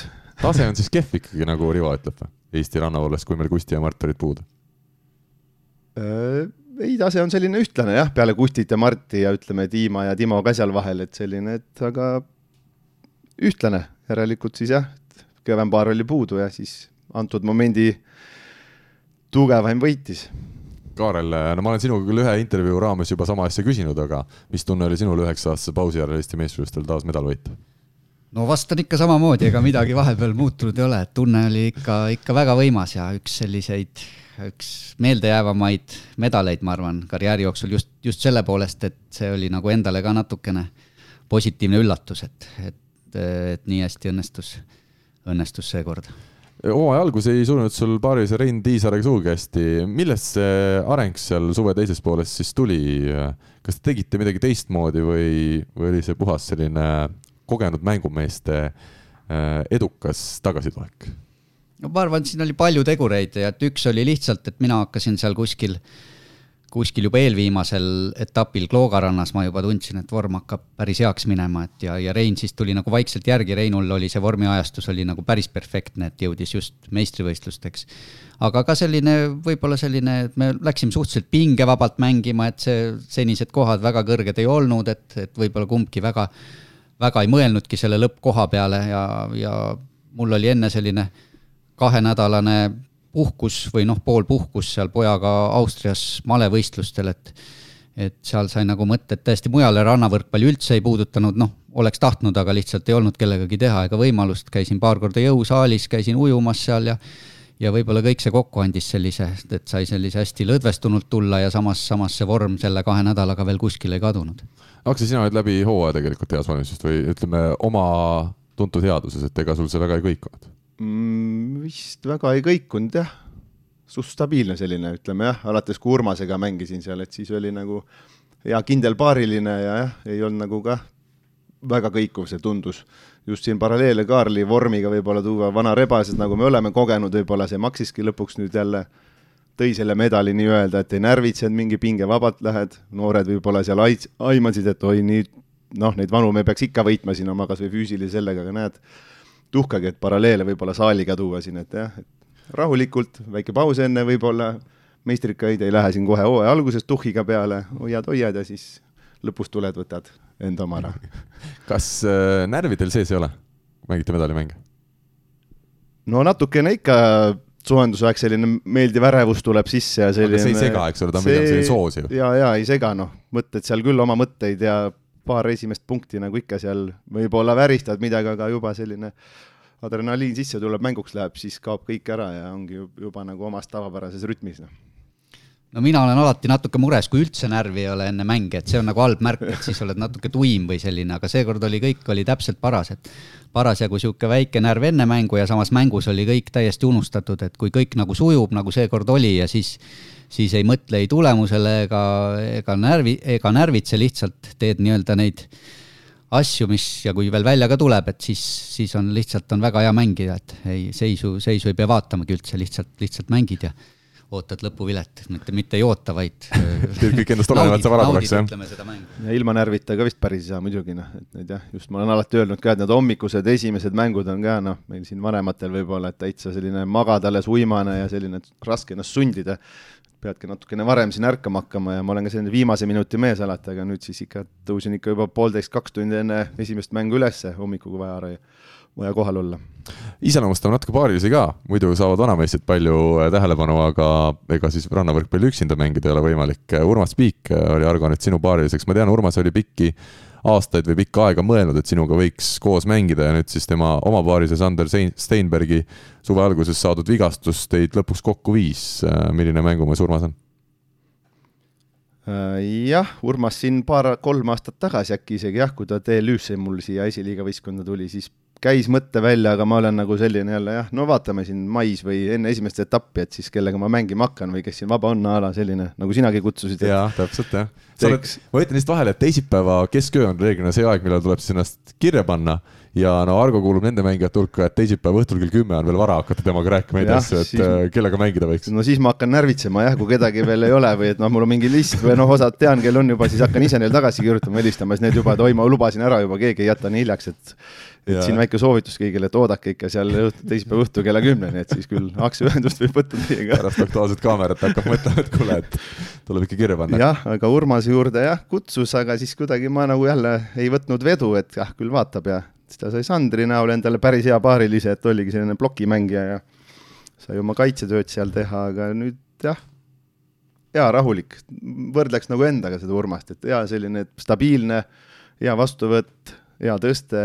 Ja ei ole füüsiliselt midagi supererilist ja kumbki tegelikult on ju aus vastus, et te ikkagi mängite osavuse ja kavalusega. ja tarkusega. jah, täpselt, et ma arvan isegi Urmasest ma olen füüsiliselt võib-olla natukene paremas vormis, tervitame Urmast siin. Urmas Urmast. ütles, et ta oli kõige rohkem kaalu, ta pole nii palju kaalunud, nagu ta kaalus Eesti meistrivõistluste ajal sel aastal, aga näed, kuldmedal. jah, seda ta ütles vist kuskil ka enne seal jah, kas meistrite võistluste aeg või niimoodi tuli jutuks seal, kui me lõunapausil olime, siis ma hakkasin tegelikult natukene muret tundma Urmase pärast, et kas ta ikka, kas me ikka suudame välja vedada sinna finaali, aga õnneks kõik tundus, et oli õige kaal. võistluskaalus oli. jah, et Urmas veel selline hea, rahulik, stabiilne noh, kohati ka ikka hakkab seal paanitsema võib-olla, kui ta iseenda lollusi vigu teeb, nagu ikka normaalne, eksid, et miks ma eksin, lihtne pall, et aga ei, kindel partner kõrval, tead, kus see pall lendab, keerad ümber, tead juba, et ta on seal või ta vastuvõtt lendab sinna ja täitsa selline loogiline mäng nagu. Kaarel, kuidas sinul, Rein Tiisar siis, Mart Tiisar, meie esipaari ühe liikme vanem vend, küll pikkust ei ole nii palju, aga samas plokis on samuti tema just tugev jah, no kõigepealt sa ütlesid väga õigesti, et võib-olla teenimatult on Urmas ja Rein jäänud siin kõrvale, et, kõik on keskendunud nüüd, et vanad hallipäised võitsid medalid, aga tegelikult ju pool tööd tegid ju just nimelt Urmas ja Rein ja, ja Reinu kohta oskaks öelda ikkagi ainult, ainult kiidusõnu, et, et eh, esiteks pole temaga kunagi seda muret, et ta oleks füüsiliselt vormist väljas või alati on, alati on sellises heas võistluskaalus kõrge hüppega et see tehniline pagas eh, võib-olla ei ole kõige kõrgem, et ta ei ole väga noorena võrkpalliga tegelema hakanud, aga, aga seda kompenseerib selline väga, väga hea tahtmine, alati positiivne suhtumine ja ja tegelikult ju ega ilma Reinuta seda medalit ei oleks kindlasti võitnud ja, ja Rein tegi seal tegelikult väga suure osa tööst, sest terve turniir tegelikult äh, mina sain väga, väga minimaalselt üldse serve, et ma, minu põhiülesanne oli Reinule tõsta ja siis püüda kaitses natuke neid punkte tuua või servil. et Rein äh, pidas ilusti vastu sellele pingele, viis rasket mängu sinu peale servitakse kogu aeg ilusti ilusti sai hakkama ja, ja just on hea meel, et ta just selleks hooaja lõpuks ja kõige tähtsamaks turniiriks selle, selle vormi leidis, aga ma arvan, et et arvestades siin, et Eestis meil selliseid ülipikki mängijaid väga ei ole ja, ja Reinul on ikkagi väga, väga kõrge hüpe, siis, siis ma usun, et ta nagu potentsiaalselt on, on ikkagi päris, päris hea plokimängija ka, et hea on kaitses mängida, kui on selline, selline kõrgem plokk, kus sul jääb natuke rohkem aega seda kohta valida ja, ja jõuda ja ainult, ainult positiivset oskan oma paarimehe kohta öelda ja, ja mina ka kiidan mõlemat meest, lisaks sellele, et võrkpalli oskavad mängida, on ka tegu Urmase ja Reinu näol väga toredate ja sõbralike inimestega. hoolimata sellest, kuidas mängud lõpevad, kas kaotad või võidad, siis alati on kuidagi läbisaamine seal Rannavalla seltskonnas hea. aga Argost veel üks põnev lugu, mulle meeldib seda ikkagi jagada, ma arvan, siinkohal ja see on õige koht. Klooga rannas toimus tänavu siis üks etapp Eesti meistrivõistluste raames või Eesti karikavõistluste raames ja ja sul oli, Argo, teada, et sa teise päeva ei tohi kuidagi pääseda, sest sul oli minek kuhugi, eks ole? jah, vastab tõele, et oli siin juba planeeritud, no mitte väga pikalt ette, aga jah, et oli plaanitud külla sõita Saksamaale ämmale ja sai pühapäevaks need piletid seal ostetud. siis jah, otsustasime Urmasega, andsin talle teada ka natukene varem, et, et ma pean pühapäev ära minema, et mis teeme siis Urmas ütles okei okay,, ma siis otsin endale teise paarilise ja siis mul tuli ka mõte, et mul on seal neid punkte nii palju, et võiks ka kellegi otsida sellise toreda, toreda Ladna venna, et läheks teeks kah, saab paar mängugi ja mõne seal selle etapi punkti kirja ja ja siis ma leidsin enda võistkonnakaaslase ühe Tallinna Ülikoolist, Ivar Laasi, noh, tänud Ivarile ja Ivar ise, ma ütlen, Ivar ise nimetab eh, ikkagi iga, iga turniir, mil ma ta näen, tuletab meelde, et ta on sinu treener. Kas see vastab või... tõele või? see tänavu hooaeg kujunes nii välja jah, et ta käis meil Urmasega palju seal turniiridel kaasas, trennides seda kordagi muidugi ei jõudnud, aga ta oli just võistlustel kohal, andis oma parima seal kohalolekuga. ja siis Ivarile veel nii palju öelda, et äh, tubli, julges tulla, tal oli see esimene etapp üldse Eesti siin meistrivõistluste sarjas siin rannas. et, et pidas vastu, et kõik servid läksid muidugi enamus talle, et aga tubli. ja kaitses tegelikult tõi mõned väga ilusad pallid üles. jaa. aga rünnakul lihtsalt. rünnak natukene lonkab. liivases ongi raske hüpata. jah, liivases ongi raske Võrk ja, ja kaitses ka natukene, kui öelda, natukene tühja rapsib, aga ei, tubli, küll see tulebki kogemustega, et esimene turniir, mis ikka tahad, tahadki paremat näidata, ei õnnestu, anname andeks. ja eesmärk sai täidetud, teise päeva ei jõutud? eesmärk sai kuhjaga täidetud, saime kaks toredat mängu kaks kaotust, aga jah, oli tore ja fun. tervitame siin Ivarit ka, täna on meil selline tervituste saade, aga äh, palju te tänasel päeval trenni teete aastaringselt? kui tõsine see tegemine on? noh, minul nüüd vist tundub, et väga, väga, et ma nüüd kolin sinna saali, hakkavad need lastetrennid mul jälle pihta siin Selveri noortega ja siis hakkab esiliigas jälle oktoobri alguses hooaeg, et hakkame meestega siin vaikselt pallitrenne juba tegema, igaüks, ma loodan, individuaalselt natukene siin suvel võrkpalli mänginud ja jõudu teinud, kes mida teinud. et siin hakkame pallitrennidega pihta ja siis pigem võib-olla näeb mind seal saalivõrkpallis äkki, et ma seal võib-olla panen enda nime ka jälle kirja, et kui abi vaja seal meestel, et vigastusi, mis iganes esineb, et siis saan mõnel mängul ka võib-olla seal käevalgeks. kui nooremad mehed jälle vigastusega väljas on või tervisega, siis sina jälle oma eas tuled ja ei ole mingit probleemi. jah, viimased paar aastat siin on ikka kõiki, kõiki kohti tulnud täita, küll sidemängijad, küll liberad, nurgaründajad, isegi temporündajad, et kõik kohad on läbi käidud. mis endale kõige rohkem meeldib, kus mängida äh,? ausalt öeldes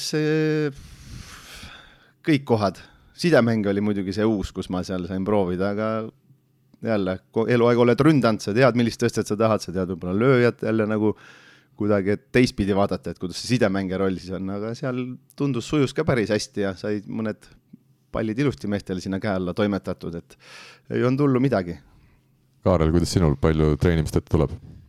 no minul on pidevalt on alati viimastel aastatel on plaan hakata rohkem treenima ja, ja sel sügisel samamoodi, et aga, aga seekord ma olen ka midagi selleks ette võtnud, et vähemalt kaks seda äh, rannaaega on nädalas on broneeritud, et seal kavatsen nii palju kui võimalik käia, hästi vähe puududa, ainult äärmisel juhul, kui midagi ette tuleb.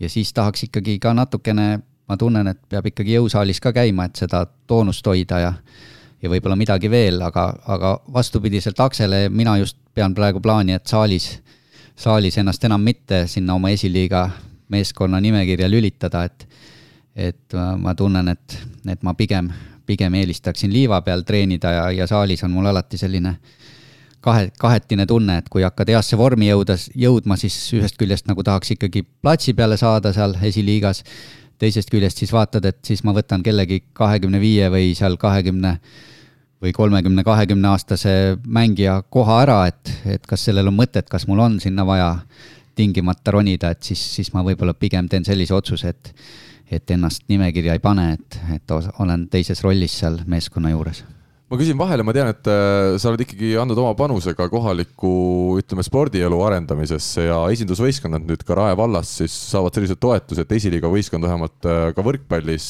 ähm, saab, ütleme, tegutseda natukene paremate võimalustega kui eelmistel aastatel. mis see tähendab, kas klubil on ka mingisugused suuremad eesmärgid? no kindlasti sellega, sellega tegeletakse igapäevaselt ja mul on ka äh, võetud eraldi mänedžer, kes praegu tegeleb võistkonna komplekteerimise. minule ta ei ole helistanud, ma ei tea, kas teil on numbrit või? annan, annan su numbri kohe, vabandust, vot kuidagi on jäänud ei, aga jah, loomulikult, et, et ega seal ju, kui, kui on vald nagu võimalused loonud ja ja siis, siis oleks ju rumalus seda mitte kasutada ja seal saab ju anda paljudele mängijatele, kes võib-olla päris meistriliiga tasemel ei ole või veel ei ole ju võimalust nii-öelda selline hüppelaud või ja, ja seal on muid, muid mõtteid ka, et kindlasti seda asja tahaks arendada. no Rae vald minu arust üldse on ka mingitel valdade mängudel alati silma paistnud väga spordisõbraliku vallana, et neile on see spordi osa ikka väga oluline jaa, on küll, et Rae vald on kindlasti sportlik vald, vist kui ma ei eksi, siis eelmisel aastal ka valiti kõige sportlikumaks vallaks Eestis ja neid valdade mänge oleme nüüd mitu aastat järjest võitnud ja seal on, on inimesed, kes teevad väga tublit tööd, komplekteerivad neid, neid osalejaid sinna, neid tuleb vahel seal päris nii, nii jõuga kohale ajada, aga, aga, aga jah, on, Rae vald on sportlik vald ja järjest tuleb saale juurde ja kuigi, kuigi ikkagi on puudus, sest elanike arv kasvab veel kiiremini, aga aga selles mõttes on jah, see vald äh, sobib sportlikele inimestele meil on hea võimalus siin ka ära õiendada üks asi seoses esiliigaga. me eelmises saates nimelt ütlesime, et esiliigast ei tule Eesti meistriliigasse, ei ole viimastel aastatel tulnud mängijaid peale või viimastel aegadel. Äh, ma arvan, väike täpsustus on siin tõesti vajalik ja me ei pidanud siis silmas seda Audentese spordigümnaasiumi võistkonda, et, et Audentese spordigümnaasiumist on, on häid mängijaid tulnud läbi ikkagi selle sajandi. Raul Reiter on seal pikki aastaid seda tööd hästi teinud ja, ja sealt on ikkagi mängijad peale tulnud. pigem, mida me pidasime silmas, oligi just see ütleme, ülejäänud esiliiga ülesehitus, et ta on selline ikkagi amatöör, amatöör selline sari, kus mängitakse tõesti ka amatöörsete kõikide nii-öelda plaanide kohaselt ja seal selline tegevus ei ole võrreldav sellega, mida meistriliigas tehakse, et siin on, on ka üks kuulaja meil kirjutas seoses sellega, et korvpallis esiliigas ikkagi makstakse mingites klubides ka korralikke palka, võetakse legionäre, et Eesti võrkpalli esiliigas, ma ei tea, kas nüüd Viljandi võib-olla äh, kellelegi on ka siin planeerinud, vähemalt Tauno Lipp mingil hetkel ütles, et kui koroonat poleks tulnud, oleks võib-olla üks-kaks legionäri toodud võistkonda, aga et üldjuhul ikkagi Eesti esiliigas võrkpallis ei ole sellisel tasemel tegutsetud.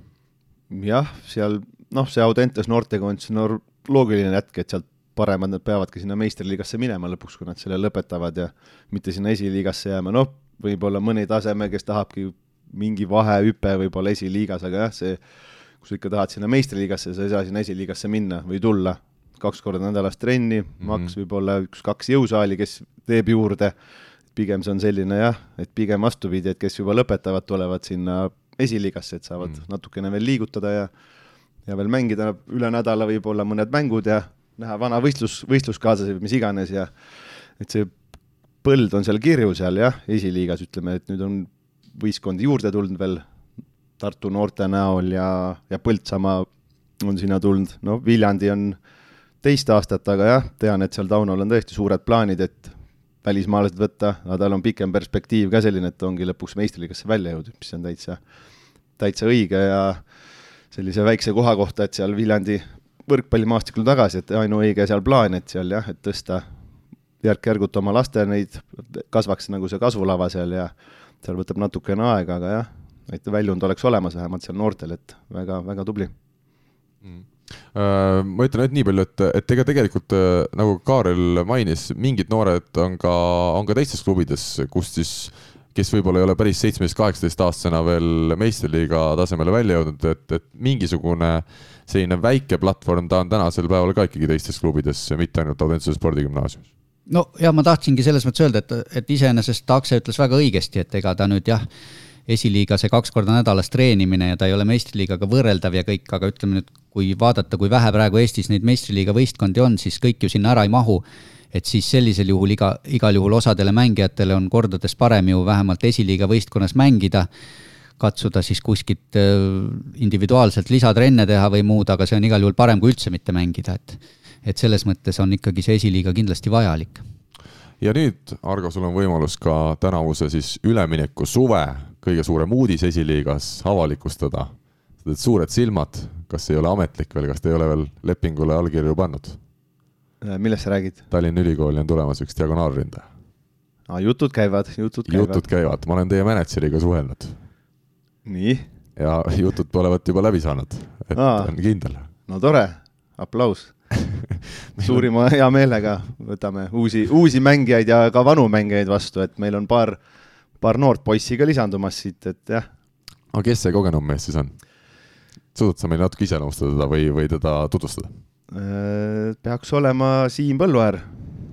olen ka mina nii aru saanud et äh, ma ei teagi, mänedžer vist on head tööd teinud, ma ei teagi, kes temaga rääkis seal, aga jah. Sander Steinberg olevat ka head tööd teinud tema kallal. nojah, eks siin esiliigas niimoodi ongi, et siin käib läbi tutvuste seal enamus, ma ei tea siis, kes, kes paremaid juttu ajab võib-olla või kes mida seal kokku lubab, aga jah. mida teie lubate väik... mängijatele?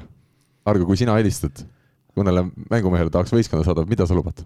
no ausalt öeldes, ega meil head seltskonda. head seltskonda, jah ja. mm? -hmm. paremat kui teistes esiliiga klubides jah, meil on selline hea ajalugu kah, et me nüüd kaks aastat pole siin üldse kaotanud, võib-olla äkki sellepärast mõnel, mõni võtab seda motivaatorina, aga pigem on ikka selline hea, hea seltskond ja oma tutvusringkond selline, et seal jah. Karl, sina oled ka esiliigas neid asju ajanud, nagu me nüüd juba ka tänases saates teame, millis-, millega sina oled võistkonda mängijaid meelitanud läbi aastate?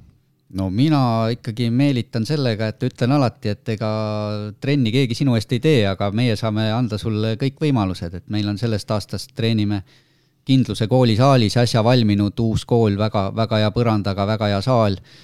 kui keegi tahab jõusaalis ujumas käia, siis äh, katsume kompenseerida, et äh, et lihtsalt äh, loome võimalused, et jah, palka, palka ei maksa ühelegi mängijale, aga aga katsume nii teha, et ka millestki puudus ei oleks, et nii et head võrkpallisõbrad, kes tahab head seltskonda Tallinna Ülikooli Argo Araku ootavad ja kes tahab häid võimalusi treenimiseks, siis Rae vald ja, ja Kaarel Kais ootavad.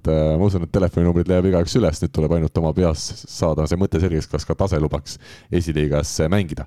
tuleme Rannavalla juurde tagasi. mõlemaga teiega rääkides siin intervjuud varem tehes olen saanud selgeks, et ega pole välistatud, et omavahelgi kord veel koos mängite. vähemalt kord. jaa, see oleks täitsa, täitsa mõeldav, mitte isegi mõeldav, vaid ma arvan, et kättevõtmise asi ja äratehtav asi, muidugi. kas sa suudad, äh, Kaarel, oodata teisipäeva õhtul kella üheteistkümneni, et äh, Argoga neid kokkuleppeid tegema hakata või sul on natuke rohkem kindlust vaja? no mul on ju Argoga ikkagi vist ligemale kümme aastat äh, nagu pidevalt koos mänginud, et ma, ma olen kõigi tema harjumustega kursis ja ja see väike, väike närvivõbin tasub ennast lõpuks ära, et, et kui, kui lõpuks ikkagi õnnestub mängida, siis, siis kindlasti see niikaua, kui veel enam-vähem füüsiliselt vormis oled, siis saab seda Argoga koos mängides alati seda mängu nautida, et nii et selle lubaduse me täna kuulajatele anname, et järgmisel suvel äh, teid Eesti karikavõistluste ühel etapil, kui mõlemad olete terved ja, ja heas vormis, koos mängite. jah, vaatame, kuidas, jah, mul jälle vaatame, ma, ma maikuus jälle seal võib-olla vaatan, kellega ma mängin, et kui keegi küsima hakkab, et Urmas niikuinii tahab juba järgmine nädal teada, et kuule, kas järgmine aasta mängime või ma ütlen siis, et võtame rahulikult ja ma võtan siin jah. pakkumisi vastu. jah, võib-olla järgmine aasta peab üldse nii mängima, et ongi üks etapp Karlaga, üks etapp sinuga, Karl, üks etapp Urmasega. oleks au. siis kellegiga jätame sinna meistrivõistlust ka lõppu. -hmm. Tiisar Nõllak. kindlasti tahaks mängida, kutsun siin Kristo Kollat, olen siin vahest utsitanud, aga kuna ta on seal saaliga tegemistes, väga ei, ei lasta teda, et siis temaga kindlasti tahaks mängida sa pead ikka hea mitu hooaega veel mängima, sest neid mehi, kellega mängida on vaja nii palju, on. no Ivar Laasiga tuleb ka teise päeva ükskord veel pääseda. Ivariga tahaks jõuda sinna teise päeva, võib-olla Ivariga peaks üldse alustama kvalifikatsioonist, et seal siis ongi teine me... päev oleks juba põhiturniirile pääseks. jah, kas me üldse kvalifitseerume, võib-olla jah, me sinna liiga lihtsalt saime peale, et Sten Esna kindlasti, pane valmis, tean, et Rivoga on sul plaanid, aga saad ka minuga mängida. Nii et neid mõtteid siin jah, aga noh, kõik ei jõua, neid etappe on nii vähe siin Eestis, palju on, kuus et äkki tuleb kuskilt lisa midagi, Kloogaranda tulla näiteks kellegiga teha. absoluutselt, selle eest mina saan hoolitseda, et, et need turniirid toimuvad ka järgmisel suvel. Kaarel, kuidas sinul siis mõtted on? no minul, ma arvan, mingi viimased viis-kuus aastat alati mul hakatakse ka kuskil seal veebruaris-märtsis hakatakse küsima igalt poolt, et kuidas, mis sa suvel plaanid sa mängida, kellega mängida. ja siis ma ka alati ütlen, et, et veel ei tea, aga noh, siin eelmisest aastast mingid punktid on, et peaks ikka minema ja, ja siis tavaliselt ikka lähen, et aga ma selliseid väga pikki plaane võib-olla kah igaks juhuks ei tee, et et mitte ära sõnuda, et ma ise, ise väga loodan ikkagi ka järgmine suvi veel rivis olla ja ja sai ju sulle ka siin ühes intervjuus öeldud, et ega enne ei tahaks nüüd pensionile minna, kui vähemalt üks turniir veel Argoga mängitud ja vähemalt üks veel äkki vend Kristjan tuleb ja mul on ka päris palju neid, kellega, kellega tahaks veel mängida ja, ja kuidagi see suvi oli ka selline sümboolne, et Viljandis Viljandis nägin üle hulga ja Kaido Kreeni, kelle, kes ju kunagi oli meil üks põhi, põhilisi vastaseid, kui me vennaga karjääri alustasime koos Aavo Keelega, kes meil vastased olid ja siis kohe järgmisel või mitte järgmisel, aga viimasel etapil Paides oli kohal Margus Niinemägi ja kuidagi, et kõik on ikkagi, tunnevad huvi selle ala vastu endiselt ja kuidagi see oli ka kuidagi sümboolne ja ja, ja ei tahaks, ei tahaks veel sellest nii-öelda rongi pealt maha astuda siit saan väga hästi ka jätkuks küsida, et mida teha, et Eestis rannavõrkpall tuleks tagasi sellise, ütleme, populaarsuse peale, nagu ta oli paarkümmend aastat tagasi, mil teie oma karjääris siis veel sellised noored äh, mängumehed olite ja, ja Pärnu rannas olid mitu tuhat pealtvaatajat neid tähtsaid kohtumisi jälgimas. mina ise usun sellesse, et see rannahallide teke, et neid on üha rohkem nüüd igale poole tulemas annab juba iseenesest tõuke sellele, aga eks, eks sealt tuleb ilmselt midagi ikkagi juurde kuskilt teha veel. ja see sisehallide tekke kindlasti tõstab seda noh, kas just taset, aga kindlasti natukene mingit seda keskmäära, keskpärast taset ja seda, et kes siin, kui kaks korda korra nädalaski käivad seal trennis, et see suvi oli näha, sina käisid seal vist Ülemistes siin enne peaaegu regulaarselt terve talve, kevadel vaatasid nagu uus mees võrreldes eelmise hooaega, et täitsa, täitsa juba mängumees, noh, ei tee selliseid lihtsaid vigu enam, ikka juba pidi mõtlema hakkama su vastu. et just see tõstabki seda, aga just seda jah, tipptaset siis on natukene juba vaja mängijaid rohkem selliseid, kes veel rohkem tõsisemalt sellele pühenduks nagu, aga jah, eks see just võib-olla sealt rohujuure tasandilt hakata keskelt, just natukene lapsi sinna kaasata, laste teema ka selline päris raske sealt kohe rannast alustada. Et aga kindlasti see sisehallide teke muidugi soodustab seda kõike ja meie etapid võiksid ka olla natukene nähtavamad, et, äh, et inimesed üldse teaksid, et Rannavalle nii äge ala on ja et need etapid üldse toimuvad meil erinevates Eesti väga kaunites linnades. no kindlasti võiks, et ega mul ei ole head retsepti kohe öelda, et mis selleks teha võiks, aga jah, kunagi olid ju ikkagi ajad, kus ka Aktuaalse Kaamera spordiuudistes kajastati siin kohalikke rannavõrkpalli uudiseid, meie vennaga olime kunagi Päevalehe esileheküljel, kui me tulime noorte poistena teiseks Eesti meistrivõistlustel, et et praegu on ikkagi see kajastus sellega võrreldes on väga väike või, või peaaegu olematu, et. Jah, eks ta sellise promo taha või ma ei oskagi öelda, mille taha, et neid spordialasid vaata tuleb juurde iga aastaga, et ei jõuagi kõik ära ja igasuguseid ulmealasid tuleb peale ja et just äkki jah, kuidagi atraktiivsemaks kuidagi, noh, ma ei oskagi öelda, mängijad on olemas, natukene seda melu sinna ümber tekitada, jah Teie olete valmis omale Instagrami konto iga päev panema seitse story't ja ühe postituse, et inimesed rannavul, et ja teie tegutsemist jälgiksid. ma tean, Argol isegi on ju tegelikult Instagram. on täitsa olemas, jah. kuidas sa selle tegid, kes sul selle ära tegi? ma ei mäleta aga kasutada oskad? käin niimoodi üle päeva võib-olla jah, tuleb meelde, et mul on see Instagram ka, rohkem Facebookis seal saab vaadatud ringi, aga siis tuleb meelde, et Instagram ka selline huvitav koht, et lähme vaatame sinna ka, siis seal on ka igasuguseid südameid ja jutumulle ja mingeid asju tekkinud, aga ei, vaatan ikka jah, siis no see on selline jälle, kui vaatame, et siis vaatad jälle, kurat, pool tundi on mööda läinud, et mis, miks ma seda vaatan, noh, aga saab asjadega kursis natukene olla. kas Kaarel, sina siis, kui Argo käib Instagramis, vaatad LinkedInis ringi? Äh, mida vaatan, ma ei kuulnud. et sa vaatad ringi, mis äh, portaalides sa ringi vaatad siis, kui, äh, kui on Argo on seal Instagramis? Vot äh, minul on see jah, et mul ei ole ei Instagrami kontot ega Facebooki kontot, sai küll suure vaevaga tehtud Messenger, sest, sest mehed siin kurtsid, et sinuga ei saa trenni aegu kokku leppida, et jube tüütu, et teistele kirjutad, sulle peab eraldi helistama või sõnumi saatma, siis ma selle tegin. aga jah, ma siiamaani olen seda sotsiaalmeedia kasutamist noh, see on peaaegu olematu mul, et püüan. Aga, aga ma ei välista, et see mingi päev muutub, sest ega noh, kui, kui ikkagi trend läheb sinnapoole, et et kõik kasutavad, siis ega ma päris mingi dinosaurus ka fossiil ka ei taha olla, et eks, eks ma mõtlen selle peale. Ja mina teen siin äh, ikkagi oma saade on võimalik kõike reklaamida. Ülemiste Beach House'is, siis hakkavad alates seitsmeteistkümnest septembrist äh, toimuma ka siseturniirid, plaan on teha neid septembrist kuni mai, mitte mai, vaid aprillikuuni välja. igal nädalal kord või kaks, olenevalt siis nädalast, äh, on turniirid ja on seal siis alustades algajatest täitsa sellised neli-neli turniirid, on harrastajatele erinevaid turniire ja on siis ka pühapäeviti meestele ja naistele sellised eraldi A-taseme turniirid kaks kahes, kus ma loodan ka Argut ja Kaarlit läbi, läbi talve ikkagi vähemalt mingitel kordadel mängimas näha ja sinna, kui koroona ja elu Eestis lubab, siis ootame ka kindlasti pealtvaatajaid, et seda rannavõrkpalli ikkagi hoida meil aastaringselt au sees ja, ja suures pildis. nii et sellised sõnumid siia lõppu naiste Euroopa meistrivõistlust me täna pikemalt rääkida ei jõudnud, äh, kõike lihtsalt paratamatult äh, kajastada põhjalikult ei saa ja kuna me ka ise oleme kõik siin olnud muude tegemistega seotud, siis ilmselt ka teadmisi liiga palju ei oleks olnud pakkuda, aga poolfinaalid siis Belgradis laupäeval, pühapäeval see turniir kulmineerub, poolfinaalides Türgi, Serbia ja Holland, Itaalia vastamisi lähevad ja saab siis Euroopa meistri, enne kui meestel see selgeks saab, on juba naistel see meister siis teada. aga Argo ja Kaarel suur,, suur-suur aitäh teile üle pika aja taas meie saadet väisamast. oli meeldiv ja ma usun ja loodan, et on põhjust taas teiega siin kokku saada. aitäh kutsumast. tänan kutsumast. ja kõigile kuulajatele ütleme siis head aega ja kohtumiseni ilmselt juba uue nädala keskel. Eesti kõige põnevamad podcastid on Delfis, kuula tasku.delfi.ee